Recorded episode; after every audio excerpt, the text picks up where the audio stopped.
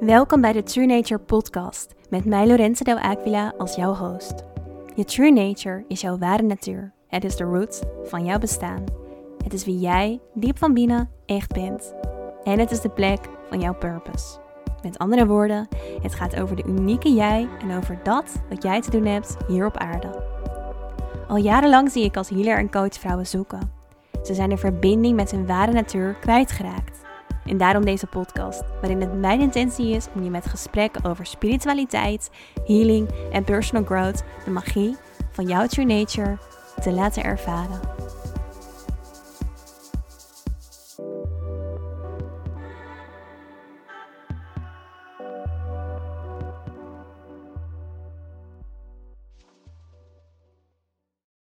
Welkom bij weer een nieuwe aflevering van de True Nature podcast. Ik zit hier met Gabrielle Koster.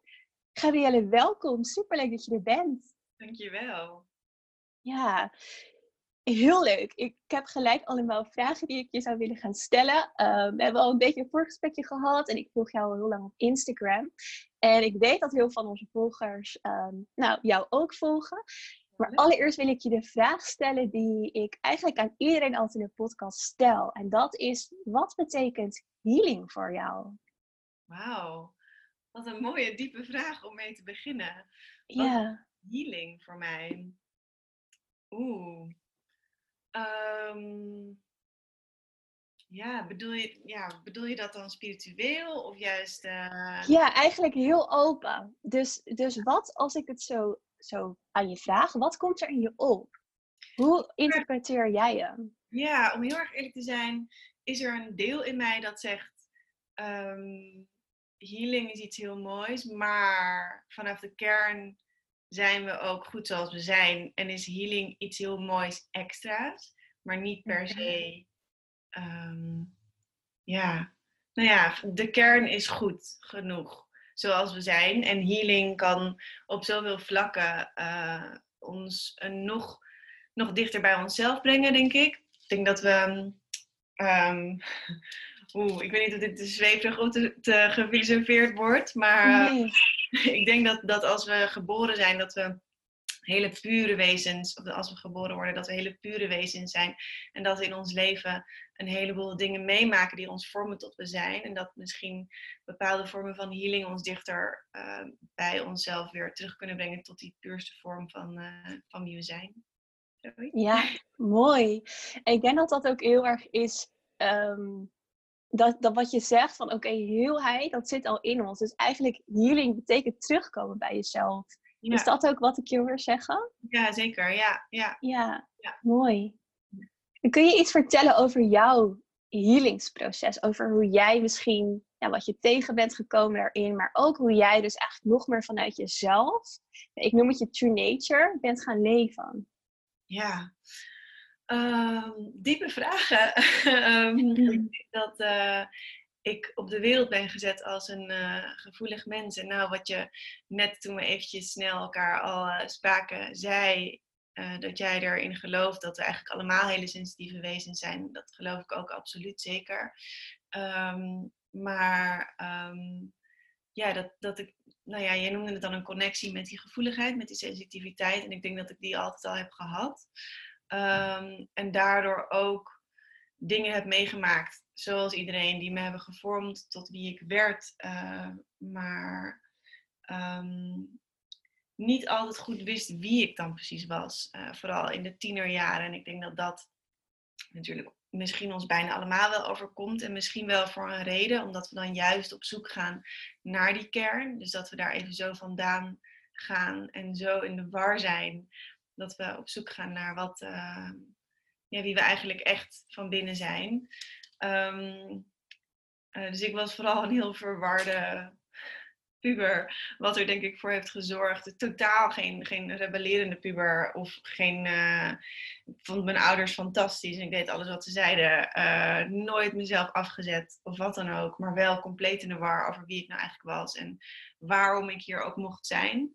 Um, en ik denk dat uh, dat er wel voor heeft gezorgd dat ik me daar uiteindelijk in ben gaan verdiepen. En, en uh, dat pad met mezelf ben gaan bewandelen. En um, nou ja, uh, ja, uiteindelijk, het is heel grappig, ik ben in, in aanraking gekomen met bijvoorbeeld yoga toen ik ehm, heel jong was al. Toen moest ik, ehm,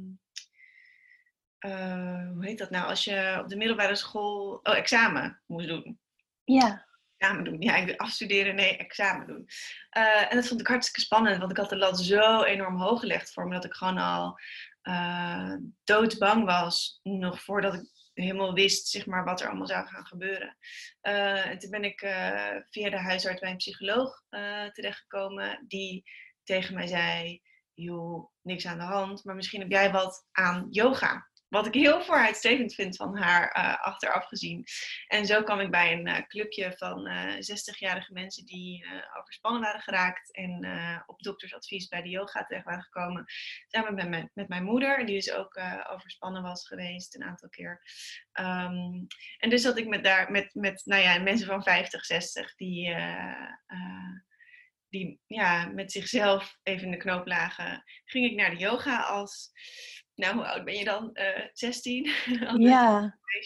En dat, dat alleen al, weet ik nog, was zo'n eye-opening. Was zo bijzonder dat in de yoga je dan leert van... hé, hey, maar jij mag hier zijn en jij bent gewoon goed genoeg zoals je bent. En, en ik denk dat dat misschien wel iets in me heeft gewekt. Dat het zoveel indruk op me maakt. En ook hoe fijn ik die yoga vond en hoe goed ik me daarin uh, in kon vinden. Dat ik uiteindelijk ook richting meditatie ben gaan kijken. Um, maar ik denk uiteindelijk ook weer veel meer die connectie heb gevonden met um, ja, de aarde. En daarom ook beter voor mezelf ben gaan zorgen en beter voor de aarde ben gaan zorgen. Iets wat denk ik altijd al wel in me zat, um, maar dus even een beetje vertroebeld was. Um, en dat ik dat toch wel heb teruggevonden door uh, ja, de tools die ik, die ik kreeg aangereikt, die ik mocht, mocht gebruiken. En ja, ik denk dat dat uh, een beetje mijn pad was. Richting mezelf meer eigenlijk. Ja, wat mooi. Wat mooi, want je zei ook dat je moeder eigenlijk al, nog dat je jong was, bij jou opmerkt dat je sensitief was.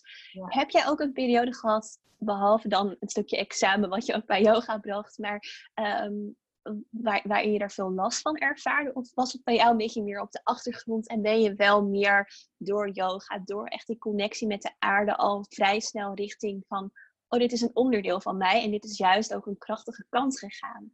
Hoe is dat voor jou geweest? Nou, dat begon eigenlijk doordat mijn moeder dus uh, twee keer overspannen is geweest. Toen, vroeger noemden ze dat nog overspannen, nu noemen ze dat een burn-out.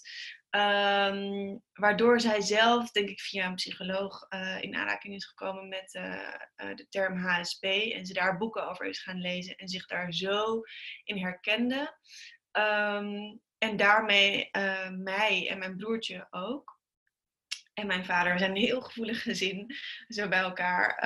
Um, maar ik denk dat dat voor haar, zij heeft dus echt tegen die deur aan moeten lopen en herhaaldelijk ook, voordat ze uh, begreep hoe zij in elkaar stak en, en hoe ze daarmee moest omgaan. Um, dat dat voor mij al, zij gaf mij daar al heel veel informatie over. En zij ze, was, ze is alles behalve een standaard moeder, denk ik. Ook in uh, bijvoorbeeld, soms dan was school gewoon, gebeurde er enorm veel. Ik bedoel, zoveel prikkels, zoveel verschillende lessen, zoveel verschillende uh, klasgenootjes, gelawaai, weet ik veel wat allemaal. En dan af en toe merkte ze aan me van, oh dat was wel weer, je emmertje zit volgens mij een beetje vol. We melden je gewoon een dag ziek. En dan mocht ik gewoon een dag bijkomen. En mijn moeder gaf dat. Mooi.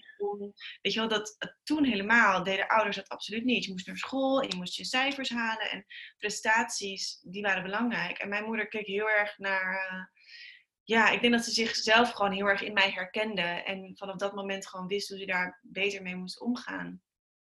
Waardoor ik eigenlijk al heel snel, uh, ja, um, dat mee heb gekregen. En dat het dus ook mag dat het niet verkeerd is als je sneller overpikkeld bent of als je sneller gevoelig bent of geraakt wordt door dingen. Ehm, ja, dat je een heel klein beetje buiten de boot valt, wat eigenlijk ook wel weer meevalt dan uh, in de ja. Um, ja, dus voor mij was het kreeg ik heel snel die connectie met, oh, hooggevoelig kan ook iets heel moois zijn. En uh, ook doordat die, die informatie er was en die boeken. Um, en ik ook zag hoe krachtig mijn moeder was en, en mijn vader. En hoe krachtig wij als gezin waren. En, en daarin ook heel zag ik heel erg hun gevoeligheid. Dus ook mijn vader is gewoon heel gevoelige, hele lieve man. Maar ik had daar zoveel uh, ja, respect voor hoe zij dan uh, vanuit hun gevoeligheid in combinatie met kracht eigenlijk uh, het leven benaderden dat ik eigenlijk van jongs af aan wel heb meegekregen dat het, dat het iets moois is. En natuurlijk loop ik tegen dingen aan nog steeds. En uh, ik heb um, recent de eindredactie. Ik ben freelance schrijver, journalist. ik heb recent, of vorig jaar de eindredactie gedaan van een boek over HSP van een um, ehm, HSP-coach. En um, uh, Annemarie de Blois heet zij. En um, daarin, dus door, ik moest het verplicht weer door dat boek heen gaan. En toen stonden er nog zoveel meer dingen in. Dat ik dacht, oh ja, dit kun je dus ook. Dit is ook eigenlijk een, een aspect wat bij die hooggevoeligheid hoort. Uh, waar ik nooit over na had gedacht. Maar wat dan wel weer een soort ruimte geeft voor jezelf. Uh, al is het een vorm van acceptatie. Um, Um, ja, dus ook nog wel dingen waar ik tegenaan loop. En ik bedoel, nu nog steeds in mijn volwassen leven. Ik ben 30 jaar en ik kreeg uh, twee dagen geleden een, een berichtje van een uh, middelbare schoolvriendin dat me enorm raakte. Dus het was een heel onaardig berichtje. En um, mm met heel veel oordeel erin. En dan ben ik gewoon anderhalf dag daardoor van slag. En ik denk dat ik dat voor altijd met me meeneem. Ik ben gewoon gevoelig voor dat soort dingen. En ik zou dat heel graag veel meer los willen laten. En, uh, en zoals andere mensen daarmee omgaan, uh, gewoon denken: ach ja, ik focus me op de positieve dingen. Maar ja, dus dat zijn wel dingen van die gevoeligheid waar ik soms nog tegenaan loop. En waar ik ook vroeger ben tegen aangelopen. Maar ik denk dus vanuit mijn opvoeding heb ik gewoon heel veel mazzel gehad. Dat ik uh, dat al heel snel koppelde aan uh, het mag er zijn. En het is wie jij bent en dat is oké. Okay. Ja. ja. Ja, wat mooi dat je daarin zo bent gesteund eigenlijk door je moeder. En dat ze dat zo snel bij jou heeft opgemerkt en zichzelf ook dan in jou herkende. En daardoor ook kon voelen wat je nodig hebt gehad. Ja, zeker. Dat kan ze nog steeds enorm goed. Ja, ja. ja. Ja, oh wat fijn. En je zegt ook hè, dat je sommige dingen nog wel lastig vindt, zoals zo'n berichtje. Maar zou het niet ook zo zijn dat je juist dus die gevoeligheid op dat vlak zo sterk houdt, omdat je eigenlijk een hele mooie missie ook wel ergens hebt. Ik, jij bent natuurlijk ook heel veel bezig met Instagram en daarin probeer je echt heel veel te delen. Dingen te delen over wat jij heel erg belangrijk vindt, zoals duurzaamheid. En daar komen we zo nog wel op. Maar als iemand dus een bericht naar jou stuurt en daarin heel kritisch is of onaardig is, is het ook lastig om dat los te laten. Omdat je juist je gevoeligheid tegelijkertijd stopt in de boodschap die je dan wil uitdragen. Helemaal waar. Ja, mooi. Mooi hoe je dat zegt. Ja, ja ja, het is iets wat ik nog een beetje aan het uitzoeken ben. En ik las inderdaad ook, want dan ga ik er me erop inlezen. Want het voelt natuurlijk als een soort afwijzing ook. En dat, dat hooggevoelige mensen gewoon veel gevoeliger zijn voor afwijzing. En dat is mooi hoe je dat zegt. Dat dat misschien wel te maken heeft met dat je zo je gevoel in jouw missie legt. En dat het zo belangrijk is dat het ja, zo van binnen raakt of zo. Ja, mooi hoe je dat zegt. Ja. Ja, ja, het komt eigenlijk dieper binnen in jouw sensitieve kern. Dus jouw, jouw gevoeligheid is eigenlijk de connectie met jouw essentie, met wie jij bent. En die is bij iedereen sensitief, want elke baby die is ook sensitief. Alleen we verleren dat in de maatschappij. En een ongevoelig bericht, wat letterlijk ongevoelig en hard kan zijn, kan zo lijnrecht tegenover die gevoelige, liefdevolle kern van jou staan, waardoor dat zo niet matcht. En dan kan het heel lastig zijn om dat los te laten. Ja, mooi. Ja. Hoe je dat zegt. Ja, ja. Ja. ja. Hey, en je zei net ook van, nou, een beetje ook ja, middels de yoga begon je ook te beseffen nou, hoe belangrijk de aarde is en, en, en natuur en duurzaamheid. Kun je ons daar wat meer over vertellen? Want dat is natuurlijk iets waar jij je heel erg mee bezighoudt. Um, welke stappen neem jij om ja, waar zit voor jou duurzaamheid allemaal in? Um, ja, oh, ik vind dat een heel belangrijk onderwerp. Ik ben uh, als jong meisje gestopt met het eten van vlees. Iets wat, uh, ja, denk ik ook heel goed past bij een bepaalde gevoeligheid. Um, want waarom zou je dieren eten? En uh, nou ja, er was een, ik weet nog dat ik toen een lijstje tegenkwam met heel veel redenen waarom je geen vlees meer zou moeten eten. En bijvoorbeeld dat er zoveel meer monden gevoed kunnen worden uh, als we stoppen met de productie van vlees. En dat alle, uh, al het vee enorm veel gevoed wordt om het maar zo vet mogelijk te mensen, om dan kleine biefstukken daaruit te halen.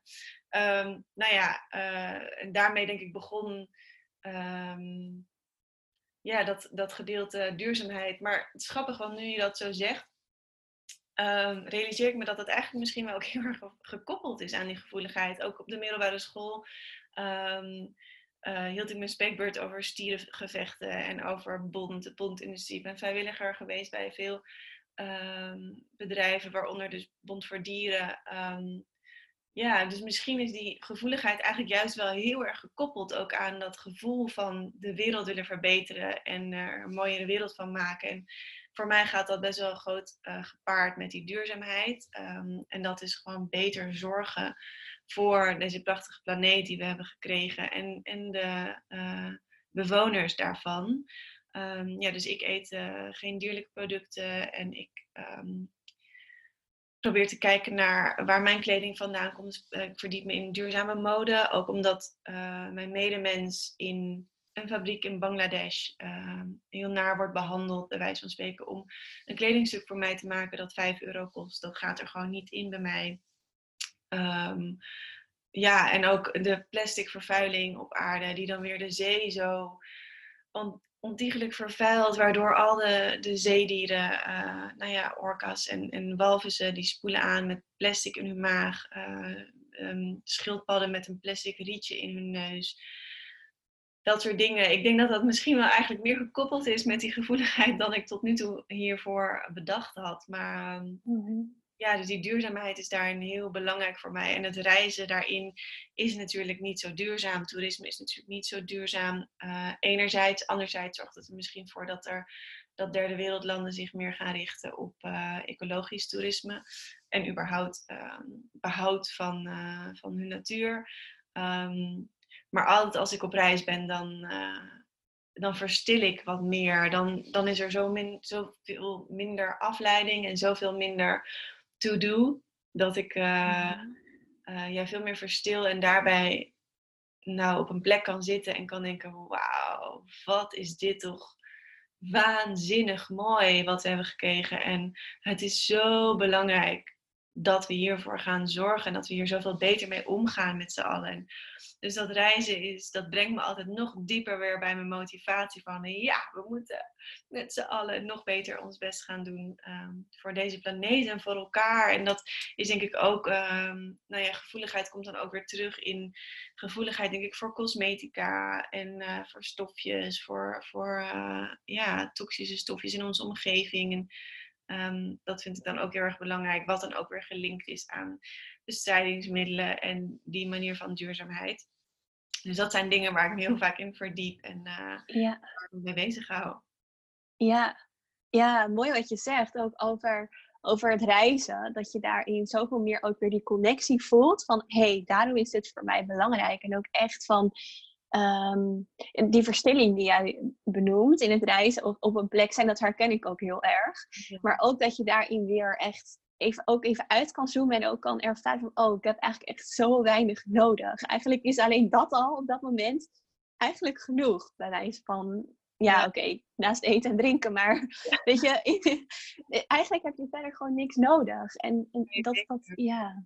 Ja, ja, ja, absoluut. Ja, en je zegt ook een stukje wat je zegt hè, over, over huid en cosmetica. En ik weet van jou te volgen op Instagram dat je daar ook best wel een zoektocht in hebt gehad. Althans met je huid. Kun je daar iets over vertellen? Ja, ik uh, ben geboren al met eczeem. Of in elk geval heb ik het vanaf jongs af aan uh, gehad. Ik weet niet of ik het al uh, direct bij de geboorte had. Maar in elk geval van baby af aan had ik eczeem. En um, nou ja, dat werd een gegeven moment was het prima te doen toen ik kind was. En toen kwam ik in de puberteit en toen werd het weer erger. Dus die hormonale schommelingen, uh, die zorgden ervoor dat ik me op een gegeven moment echt een soort Frankenstein voelde. Met de plekken die ik over mijn hele lijf had. Um, en nou ja, vanuit het ziekenhuis krijg je daar gewoon zalfjes voor. En uh, that's that. Um, en ik ben me op een gegeven moment heel erg gaan verdiepen in de voeding daaromheen. Uh, en ik denk dat dat dus zowel het het stukje dierenleed en duurzaamheid als uh, wat is er eigenlijk goed voor mijn lijf en, en wat ben ik eigenlijk aan het doen uh, op dagelijkse basis voor mijn lijf. Um, ja, heeft ervoor gezorgd dat ik me ben gaan verdiepen in voeding eigenlijk. Um, ja, en ik heb uh, jarenlang hormooncrème gebruikt tegen de eczeem. Um, iets waar ik heel erg dankbaar voor was op dat moment, omdat de eczeem een non-stop impuls is vanuit je eigen lijf. Uh, van jeuk over je hele lichaam en een soort adrenaline door je aderen heen. Ehm, waar je af en toe echt gierend gek van wordt. Ehm, dus die hormooncreme die bracht ook weer rust. Kon ik eindelijk weer even mhm. ah, ademhalen en was het eindelijk weer even rustig. Maar op lange termijn uh, bleek die hormooncreme, ook wel corticosteroïden, eigenlijk heel erg schadelijk voor mijn lichaam en voor het lijf van een heleboel andere mensen. Ehm, ik deelde op Insta Stories een uh, filmpje over mijn eczeem, omdat ik het wel heel belangrijk vond om te laten zien. Uh, omdat je tegenwoordig zoveel prestatiedruk hebt en, en het idee hebt dat iedereen een fantastisch leven leidt. Uh, we vergeten soms om het, het echte deel te laten zien van ons leven. Um, probeer ik altijd heel erg open te zijn over ja, het hele leven, eigenlijk mijn hele leven. Mm Daar liet ik dus ook een filmpje zien van mijn eczeem, dat mijn armen helemaal onder zaten en dat ik ook pigmentvlekken kreeg. Ik krijg heel vaak als ik bruin, ben geworden, daarna verdwijnt het pigment en word ik een soort koetje. Ehm, maar ehm, dat deelde ik op Insta Stories en toen kreeg ik een berichtje van iemand die zei: Joh, ja, het lijkt echt enorm veel op mijn huid. En ik heb uiteindelijk een, een soort tegenreactie gehad op die hormooncreme.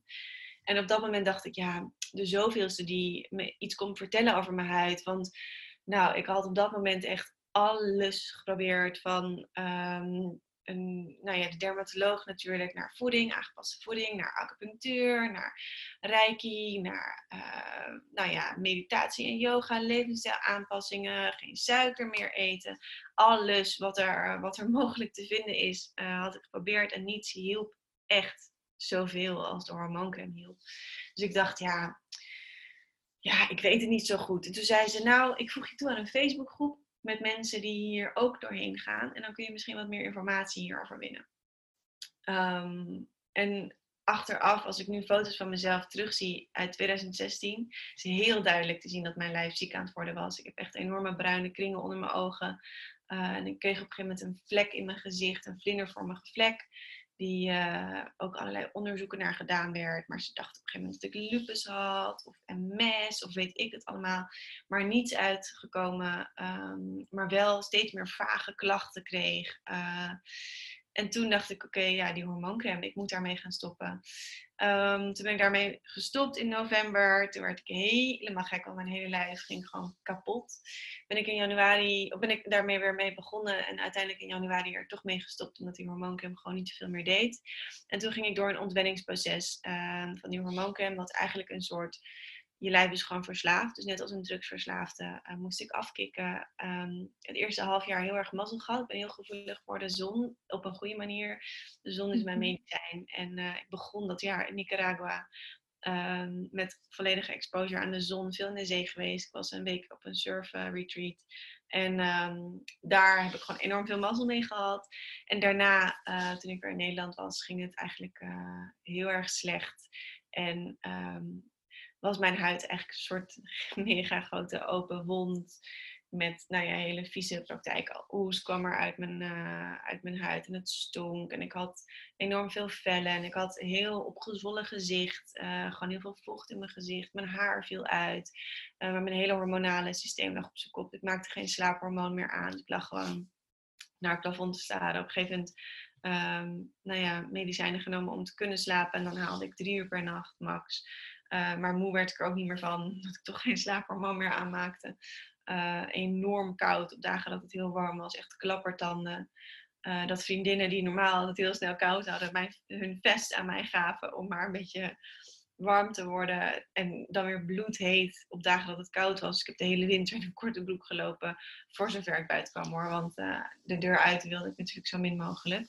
Um, ja, dus dat was een heel intens proces uh, waar ik doorheen moest. En uh, dat heeft uiteindelijk een, uh, nou, een jaar lang ben ik echt goed ziek geweest. En nog steeds zijn er af en toe dingen waar ik last van heb. Ehm, ja, daarmee. En dat reizen helpt dus ook heel erg. Want die zon-exposure die we in Nederland nu vandaag toevallig heel veel hebben die is niet zo heel erg aanwezig hier in Nederland over het algemeen. En als je uh, op reis bent en de hele week of twee weken lang is het gewoon prachtig. Je bent de hele dag door buiten op het strand.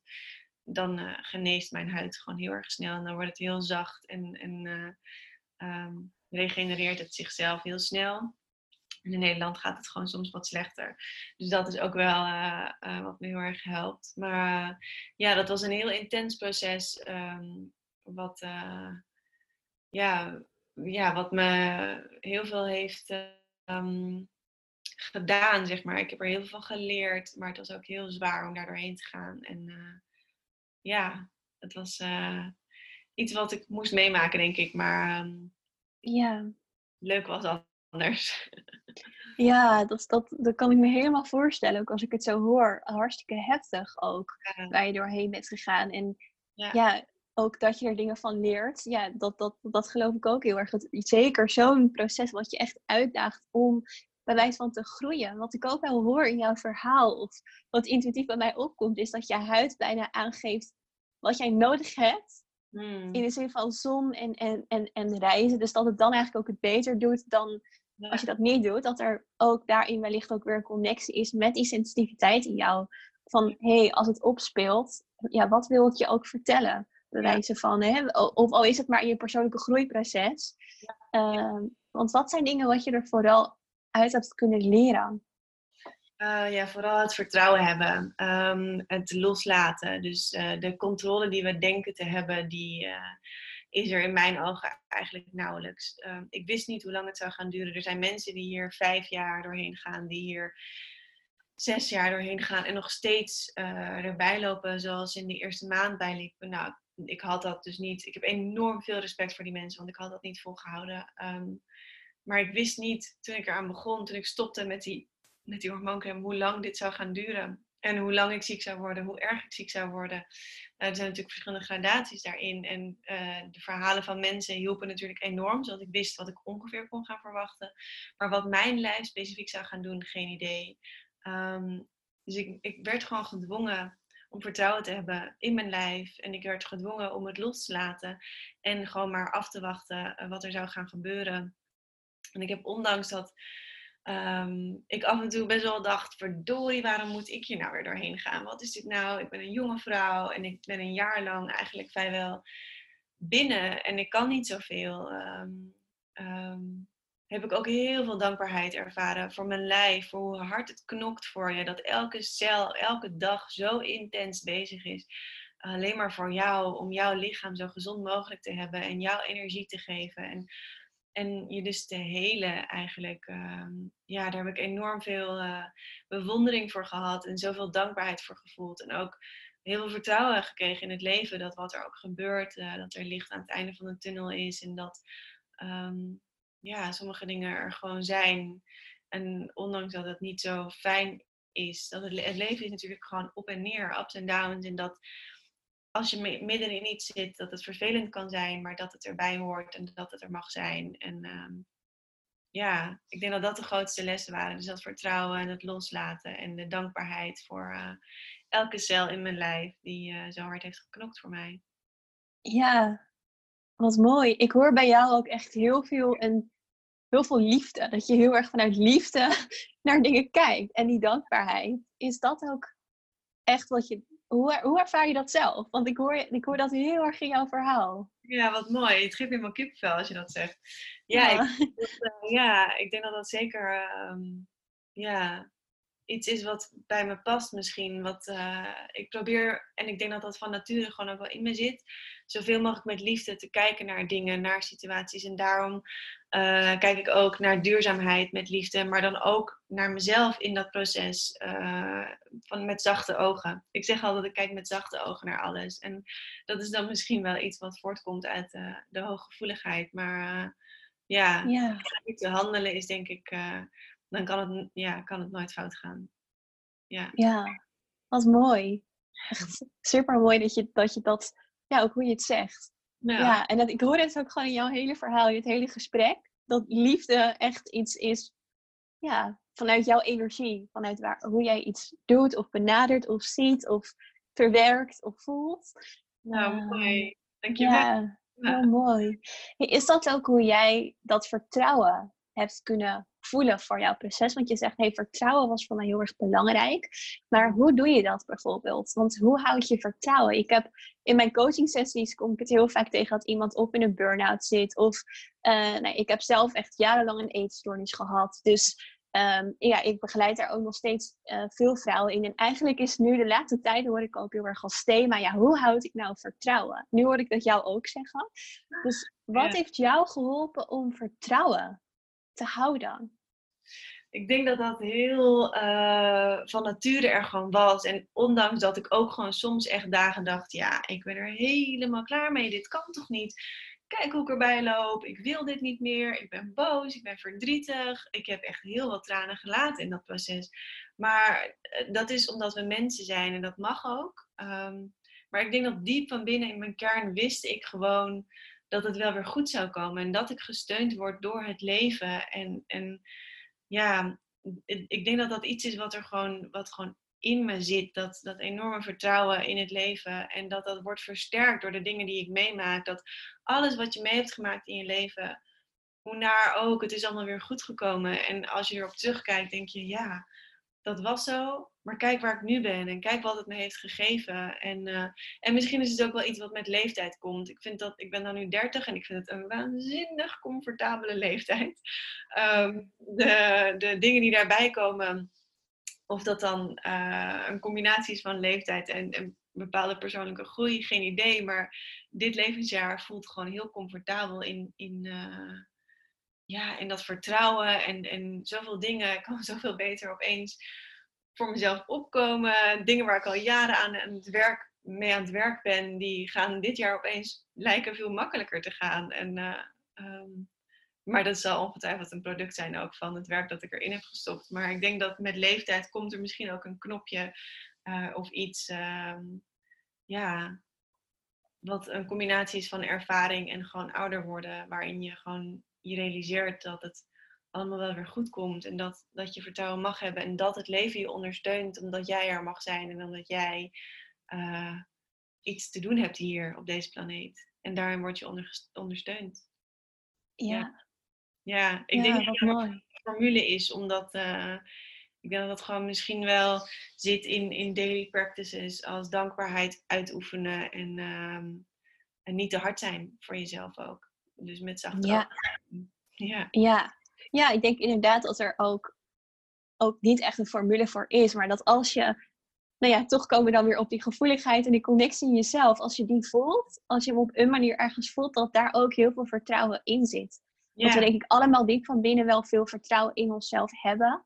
Je moet het alleen weten aan te spreken. En dat dus zo'n liefdevolle benadering, die ik dus bij jou heel erg zie en hoor, ook weer helpt om dat vertrouwen wat bij iedereen diep van binnen in zich zit te voelen. Ja, ja zeker. Ja, dat denk ik ook. Ja, ja mooi. Hey, en ook iets wat ik heel vaak als vraag krijg, en waar jij denk ik heel goed het antwoord op kan geven, is um, dat gaat dan toch ook wel weer een beetje over vertrouwen in de zin van, oké, nou ja, duurzamer willen leven. Maar waar begin je? Hoe zorg je ervoor dat je niet bevriest? Of hoe zorg je ervoor dat je niet overweldigd raakt? Ja. Uh, dat is iets wat ik ook heel vaak hoor. Van, nou ja, toch ook sensitieve vrouwen die echt voelen van... hé, hey, ik wil bewuster in het leven staan... of ik wil me daarmee bezighouden en daar. Maar dat ze toch ook worstelen met de hoeveelheid... en als ze zich erin gaan verdiepen, dat ze overweldigd raken. Nou ja, ook de dingen die jij net noemde, van de oceanen, uh, de mensen in Bangladesh, dat je echt bijna bevriest, dat je denkt, oh, dit is zo erg, ik wil hier iets mee. Ja, maar ja. hoe? Ja, dat begrijp ik heel erg. Ik denk dat ik gewoon heel erg veel mazzel heb gehad met dat ik dus op mijn veertiende stopte met het eten van vlees. En vijf jaar geleden, dus ik heb het echt in stapjes, heb ik dat proces kunnen doorlopen. Um, en ik denk dat mensen zichzelf dat ook gewoon moeten gunnen, dat ze, het, dat, ze dat proces in stapjes doorlopen. Dus uh, stel iemand eet vlees nog dagelijks, maar wil eigenlijk ook duurzame kleding en wil eigenlijk ook dit. Kies iets wat voor jou op dit moment prioriteit heeft, uh, of wat misschien makkelijk is aan te passen in jouw leven. Als je denkt, nee, ik ben echt, uh, dat vlees, dat lukt me nog niet, maar ja, kleding, misschien kan ik daar eens naar gaan kijken. Of andersom, ja, maak het behapbaar. Doe het in stapjes. Je hoeft niet in één keer alles goed te doen. Wees niet te, te streng voor jezelf. Ik denk dat dat geldt voor alle aspecten in het leven. Wees niet te streng voor jezelf. Want dat uh, daar bereik je niet zo heel veel mee. Het, het, gaat erom dat die intentie er is. En als je dan daarin kleine stappen kunt zetten, dan ben je al hartstikke goed bezig. En dan met elke kleine stap zet je er weer één. En uiteindelijk leidt dat tot grotere stappen. Uh, maar verwacht niet van jezelf dat je in één nacht duurzaam, een duurzaam mens bent geworden. Want ik doe het al ik ben me er al, al tientallen jaren in aan het verdiepen en ik ben er nog steeds niet. Ik doe ook nog zoveel dingen fout. En ik denk dat we ook van dat stigma af moeten, dus met zachte ogen moeten kijken dat er niet, eigenlijk niet iets bestaat dat fout is, maar dat je gewoon een leerproces aan het doorlopen bent. En, uh, en met elke keuze die je maakt, je de volgende keer weer een nieuwe keuze kunt maken. Um, ja, en, en dus kies wat voor jou op dit moment het dichtst bij jou voelt of het makkelijkst is aan te passen. En ga daarmee aan de slag. En kijk naar de kleine dingetjes en zet daarin stapjes. Ehm, en ehm, ja, probeer je ook niet te veel te laten overweldigen. Er is zoveel informatie. En als je dan denkt, oké, duurzamer, maar de oceanen en de, de fabriekswerknemers in, in, in derde wereldlanden en dit en dat. Um, ja, spits je op één onderwerp en uh, lees je daarover in en verdiep je daarin. En dan, het is ook gewoon zo dat de rest vanzelf ook wel volgt. En dan uiteindelijk is de eerste stap die je hebt gemaakt, wordt vanzelfsprekend na een tijdje. En dan is er weer ruimte voor een nieuwe stap. Dus geef jezelf daarin de ruimte. En, uh, en ja, wees niet te streng voor jezelf. Dat is echt iets wat wij als generatie ook zo goed kunnen. Zo streng zijn voor onszelf. Zo van onszelf verwachten dat we in één klap alles goed doen. Terwijl uh, je doet het al goed. En het kan alleen nog maar beter. Dus ehm, ja, dat. Ja. Ja, mooi. Ik merkte dat ik ook wel aanging op wat je zei van het is een keuze en je hebt elke keer opnieuw de keuze. En als je de ene keer kiest om het zo te doen, dan kun je de volgende keer het weer anders doen. Ja, ik denk dat dat ook echt iets is waar dat je jezelf kan af, afvragen van hey, welke kleine stap of welke stap met impact kan ik vandaag nemen? Ja, en waar je dan ook voor kiest. Dat het altijd goed is inderdaad, dat er eigenlijk geen fout is. Ja, ja. Ja. Ja. ja. Ja, en als het dan gaat over kleine stappen nemen, wat zijn voor jou belangrijke dingen of, of stappen waarvan je zegt, hé, hey, ja, daar had ik eigenlijk zelf nooit aan gedacht, maar dat is wat ik ben gaan doen. Of nou, je noemde natuurlijk al wel dingen met kleding en geen vlees eten, maar zijn er nog andere dingen waar jij geïnspireerd door bent geraakt? Ja, ik denk dat wat mensen misschien zichzelf niet zo snel bedenken, is dat er in onze alledaagse handelingen ook uh, dingetjes zitten die we duurzamer kunnen maken met een hele makkelijke stap. Dus alleen al als je elke dag je tanden poetst met een plastic tandenborstel, kun je die heel makkelijk vervangen door een bamboe tandenborstel. Als jij elke dag je tanden poetst met tandpasta uit een tube, uit een plastic tube, er zijn tandpasta tabletjes die je bij bijvoorbeeld Lush of bij Peter Pot, daar kun je plastic vrije boodschappen doen, um, uh, ja, kunt bestellen en op die manier uh, heb je dus alweer een verpakking minder. Of je haar wassen met een shampoo bar.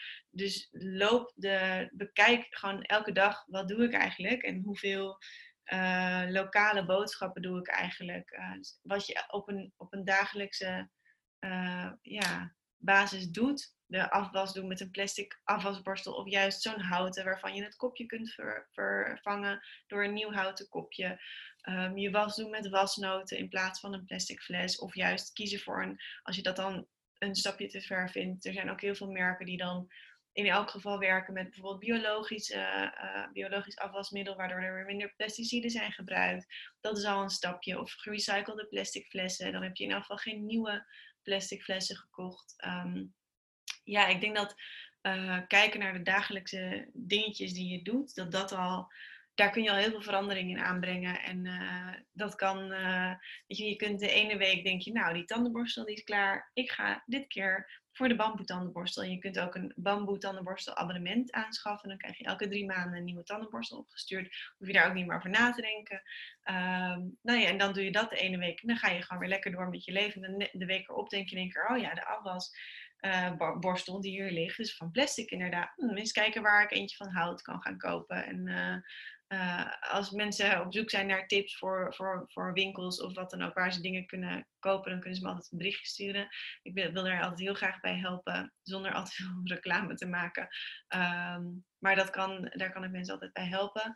Um, ja, en op die manier zo langzaam je, je dagelijkse gewoontes omtoveren tot duurzamere gewoontes. En dat zijn dingen, denk ik, waar mensen niet zo snel bij stilstaan. Dus het vlees, minder vlees eten, nou, dat is inmiddels zo'n open deur. En uh, uh, oh ja, duurzame kleding, waar begin ik dan? Nou ja, dit zijn hele makkelijke stapjes die je kunt zetten om al minder ehm, plastic en pesticiden bijvoorbeeld in huis te hebben. Ja, ja, wat mooi. Ik heb gelijk iets van, oh, als je nou elke week één zo'n stap kan nemen, dan, dan ben je alweer 52 stappen verder aan het einde van het jaar. En het zijn zulke makkelijke dingen eigenlijk die je ja. ook opnoemt. Ja, ja, ja, ja, ja, ja. ja. voor jezelf, dan, uh, dan gaat het veel soepeler. Ja, ja, mooi. Ja, en ik denk ook dat je dan niet die verkramping zo hebt, of die hele erge wilskracht, en het dus ook veel meer vanuit liefde, komt die weer gebeurd. En dat dat ook eigenlijk is wat de wereld in energie dan weer nodig heeft. Dat we niet allemaal te volhardend vanuit wilskracht en bijna negativiteit ja. uh, elkaar ook opleggen hoe het moet of wat er allemaal niet goed gaat. Maar meer focussen op, oké, welke kleine stappen kan ik nemen? Ja, daar geloof ik heel erg in. Ik ben helemaal geen dogmatische, iemand met een dogmatische gedachtegang. En ik denk dat dat voor sommige mensen misschien heel erg kan helpen, maar uh, niet voor mij. En ik denk voor heel veel mensen ook niet, inderdaad. Dat, ja, je hebt inmiddels termen als eco-anxiety en zo. En dan denk ik, ja met z'n allen. Dat mensen te bang zijn om stappen te zetten. Nee, dat, dat, dat wil je niet. We willen gewoon allemaal met z'n allen kleine stapjes zetten. En dat gaat veel meer opleveren. En uh, inderdaad, vanuit liefde bereik je veel meer dan uh, vanuit strengheid naar jezelf. Of uh, ja, ja. Ja. Ja. Ja, mooi. Ik denk dat dat wel een mooi moment is om jou te vragen of je nog iets mee wil geven aan de luisteraar vanuit jou. Um, nou, misschien wel dat ehm, eh, we allemaal onze eigen dingen doen vanuit ons eigen perspectief. En dat ik mijn leven leid vanuit mijn perspectief. En dat dat goed voelt voor mij.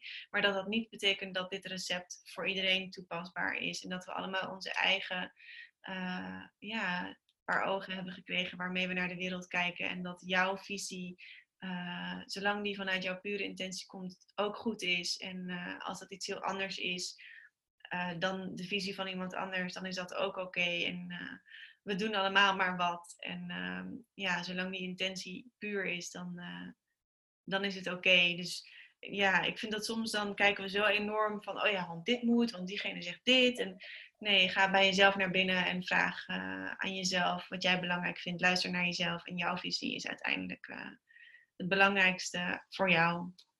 Ik denk dat, dat ik belangrijk vind. Dat ik ben ook maar iemand die ook maar dingen doet. En, uh, en wij allemaal. En uh, ja, dat eigenlijk. Ja, mooi. En eigenlijk is zo het cirkeltje ook weer rond. Keer naar binnen. Voel die sensitiviteit. En vanuit daar ga je ook wel weer voelen. Ja, precies. Wat eigenlijk belangrijk is. Ja, ja. voor jou. Ja. ja, zeker. Ja. Mooi. Hey Gabrielle, waar kunnen mensen meer van jou vinden? Voor degenen die jou nog niet kennen. Ja, nou, ik ben dus op Instagram uh, te vinden. En mijn uh, Instagram-handle is Gabrielle met dubbel L-E, laagstreepje Koster met een K. Um, en als je geïnteresseerd bent in artikelen, want ik, ben dan, uh, ik schrijf ook voor mijn werk, dan kun je die vinden onder andere bij Women's Health, bij Elle, bij Cosmopolitan, bij Happiness. Dan kun je dat googlen met mijn naam erachter. niet alles is natuurlijk uh, even past het bij mij, maar uh, ik schrijf veel ook wel over duurzaamheid en ooggevoeligheid en dat soort onderwerpen. Dus daar, daar kun je me vinden.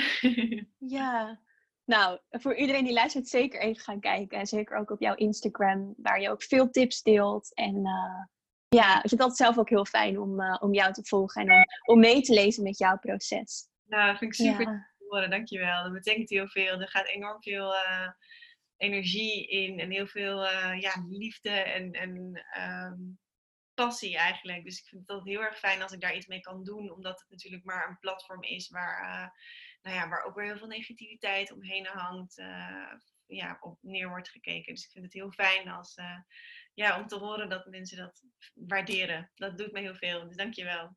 Oh, heel graag gedaan. En jij heel erg bedankt voor dit hele mooie, fijne en open interview. Dankjewel voor het luisteren naar deze podcastaflevering. Ik hoop dat je het een heel fijn gesprek hebt gevonden. En uh, Gabrielle en ik zouden het super leuk vinden als je deze podcast zou willen delen op jouw Insta-stories. Of ons een DM-berichtje wilt sturen met dat wat je uit de podcast meeneemt. En uh, ja, ik hoop je weer te zien in een volgende aflevering van de True Nature Podcast. Doei doei!